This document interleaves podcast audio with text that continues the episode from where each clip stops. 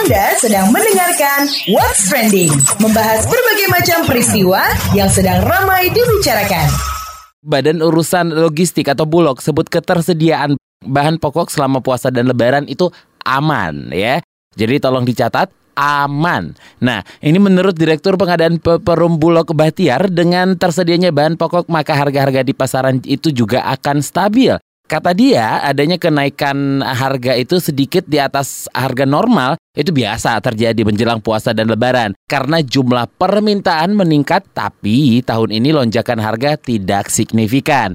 Terus juga um, Direktur Pengadaan Bulog juga menambahkan siklus kenaikan komoditas atau bahan pokok menjelang puasa itu sudah biasa terjadi. Kenaikan 10 sampai 20% tersebut biasanya akan turun memasuki seminggu pertama puasa dan kembali naik seminggu menjelang lebaran. Penyebabnya itu permintaan meningkat. Sekali lagi karena permintaan meningkat ya. Dan penurunan jumlah penyedia karena libur pegawai mempengaruhi siklus itu. What's Trending? Membahas berbagai macam peristiwa yang sedang ramai dibicarakan. Kita lagi ngobrolin soal antisipasi kenaikan harga pokok di Ramadan hingga Lebaran. Jadi, Sekjen Departemen Perdagangan Kemendak Karyanto Supri itu bilang kalau beberapa strategi dilakukan pemerintah untuk mengantisipasi kenaikan harga kebutuhan pokok. Seperti apa? Langsung kita bahas dengan Sekretaris Jenderal Kementerian Perdagangan Karyanto Supri. Bagaimana Kemendak uh, melakukan antisipasi kenaikan harga saat Ramadan hingga Lebaran ini? Paham Kemendak, kenaikan harga itu hanya soal keseimbangan antara supply dan demand. Menjelang hari lebaran puasa ini ada kenaikan sekitar 10% sampai 20% permintaan demandnya. Jadi bagaimana kita menjaga supply demand ini? Untuk itu Kementerian Perdagangan belajar pada dua tahun yang lalu kita alhamdulillah berhasil menstabilkan harga. Kami mengirimkan seluruh pejabat teras Kementerian Perdagangan seluruh satu sampai staf ke seluruh provinsi di Indonesia sampai kabupaten kota untuk melakukan pemantauan sekaligus berkoordinasi. Selama ini adalah kegiatan stabilisasi yang dilakukan bersama-sama kementerian dan lembaga di bawah koordinasi Kemenko Perekonomian. Jadi kami ingin memastikan bahwa stok itu betul ada di pasar. Karena sederhana saja kalau harga naik itu pasti karena kurang supply, karena meningkatnya demand. Oke, apa yang bisa jadi sebab kurang suplai? Kurang suplainya bermacam-macam. Pertama bisa saja mungkin produksi kurang atau ada e, pelaku usaha nakal melakukan penimbunan misalnya. Kami juga melakukan pemeriksaan. Kami bekerjasama dengan pemerintah daerah dan satgas pangan melakukan pengawasan supaya benar-benar apa yang disebut tadi stok pangan itu benar-benar terdistribusi dengan baik sampai konsumen. Nah, seperti apa strategi pengendalian barang yang pengendalian harga maksud saya yang telah dilakukan selama ini, Pak? Kami punya strategi utama untuk melakukan solusi harga yang selama ini sudah berhasil di setelah dua tahun yang lalu. Yang pertama adalah dari sisi penguatan regulasi. Kami membuat juga pengaturan regulasi yang tetapkan HET, harga yang tertinggi memang ada perubahan kontra di sini. Nanti bicara dengan Kementerian Pertanian, usaha. Kenapa harus ditetapkan? Iya, kalau tidak ada HIT itu batas langit. Kita tidak ingin. Kita sudah mengukur kalau mau harga itu naik, kita sudah menetapkan HIT dan berhasil. Seperti gula pasir, tetapkan HIT 12 kg per kilogram. Alhamdulillah berhasil. Bahkan kita minta terutama kepada brand model kalau berani menjual di atas HIT, maka akan kita cabut izinnya.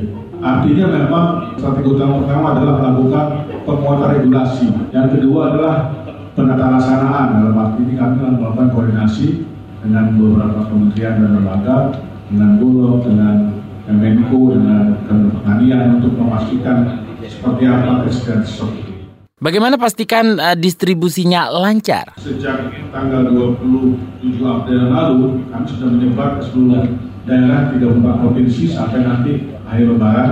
Memang masalah soal distribusi ini terutama kami nyebut HBKN, Hari Wisata Keagamaan menjadi persoalan. Yang pertama adalah soal tadi kenaikan demand itu 10 sampai 20 persen. Tapi di saat yang sama juga para buruh-buruh itu juga akan libur sehingga terganggu juga ini yang sedang kami koordinasikan dengan para distributor dan para industri supaya bisa membuat jadwal kapan libur dan sebagainya kami di bawah koordinasi Menko PMK lalu menetapkan kapan libur dan kita akan berbicara dengan seluruh pelaku usaha agar tidak terhenti. Begitu pula soal distribusi kami berbicara dengan Kementerian Perhubungan. kapan bisa itu truk-truk ngangkut bapok, bahan pokok itu tidak dilarang dan seterusnya. Ini sudah dalam dua tahun kemarin sudah berhasil dan sudah lakukan. Oke, terima kasih Sekretaris Jenderal Kementerian Perdagangan Karyanto Supri. What's Trending membahas berbagai macam peristiwa yang sedang ramai dibicarakan. Di bulan Ramadan ini memang ya kita harus bisa memutar otak ya. Bagaimana dalam membelanjakan uang ketika terjadi kenaikan harga pokok ya kan. Terus juga belum lagi dibanjiri dengan undangan acara buka puasa bareng, Aduh, sudah berapa nih janji yang harus didatengin gitu ya?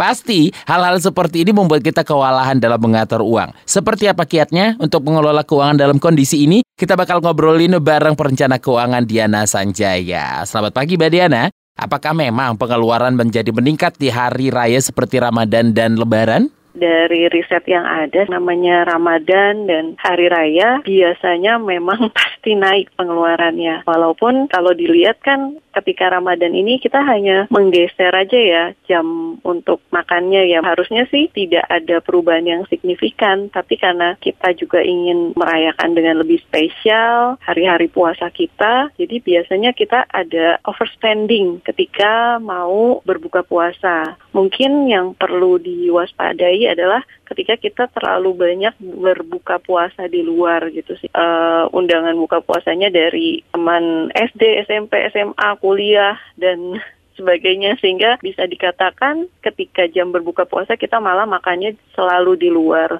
Nah, gimana mengatasi kondisi itu nih, Mbak? Kalau misalnya budgetnya memang agak ketat, baiknya kita lebih memilih buka puasa mana yang mau kita ikuti di luar. Nah, untuk pengeluaran hari rayanya, luckily untungnya di Indonesia ada tradisi untuk menerima tunjangan hari raya. Nah, sebaiknya dimanfaatkanlah tunjangan hari raya tersebut untuk membiayai pengeluaran-pengeluaran untuk hari raya ini. Tapi jangan lupa untuk zakatnya dulu, untuk THR pekerja rumah dulu, untuk misalnya kalau mau mudik atau mau membuat acara di rumah bisa dianggarkan dulu. Sisanya ya kalau ada lebih barulah bisa untuk misalnya beli perlengkapan, beli baju atau mau renovasi rumah sedikit atau yang lain-lain. Ada prioritasnya juga ketika mau menghabiskan budget THR tadi. Seperti apa kiat mengatur keuangan sebagai antisipasi jika ada kenaikan bahan pokok?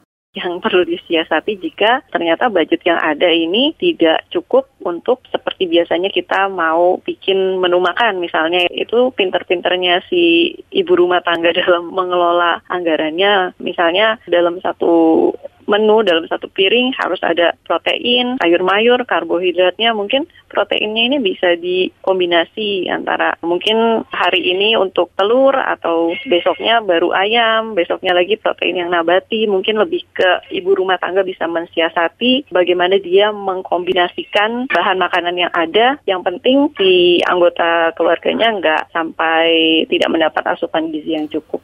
Oke, Mbak Diana, kesalahan apa dalam merencanakan keuangan yang sebaiknya itu nggak dilakukan saat hari raya?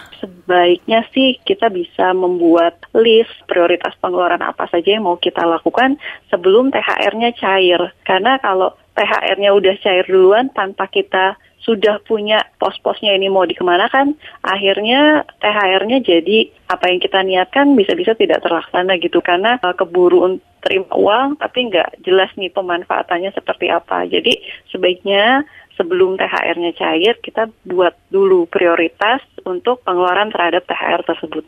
Oke, terima kasih perencana keuangan Diana Sanjaya. What's Trending membahas berbagai macam peristiwa yang sedang ramai dibicarakan. Saya Don Brady pamit ketemu lagi besok. Bye-bye. KBR, inspiratif, terpercaya.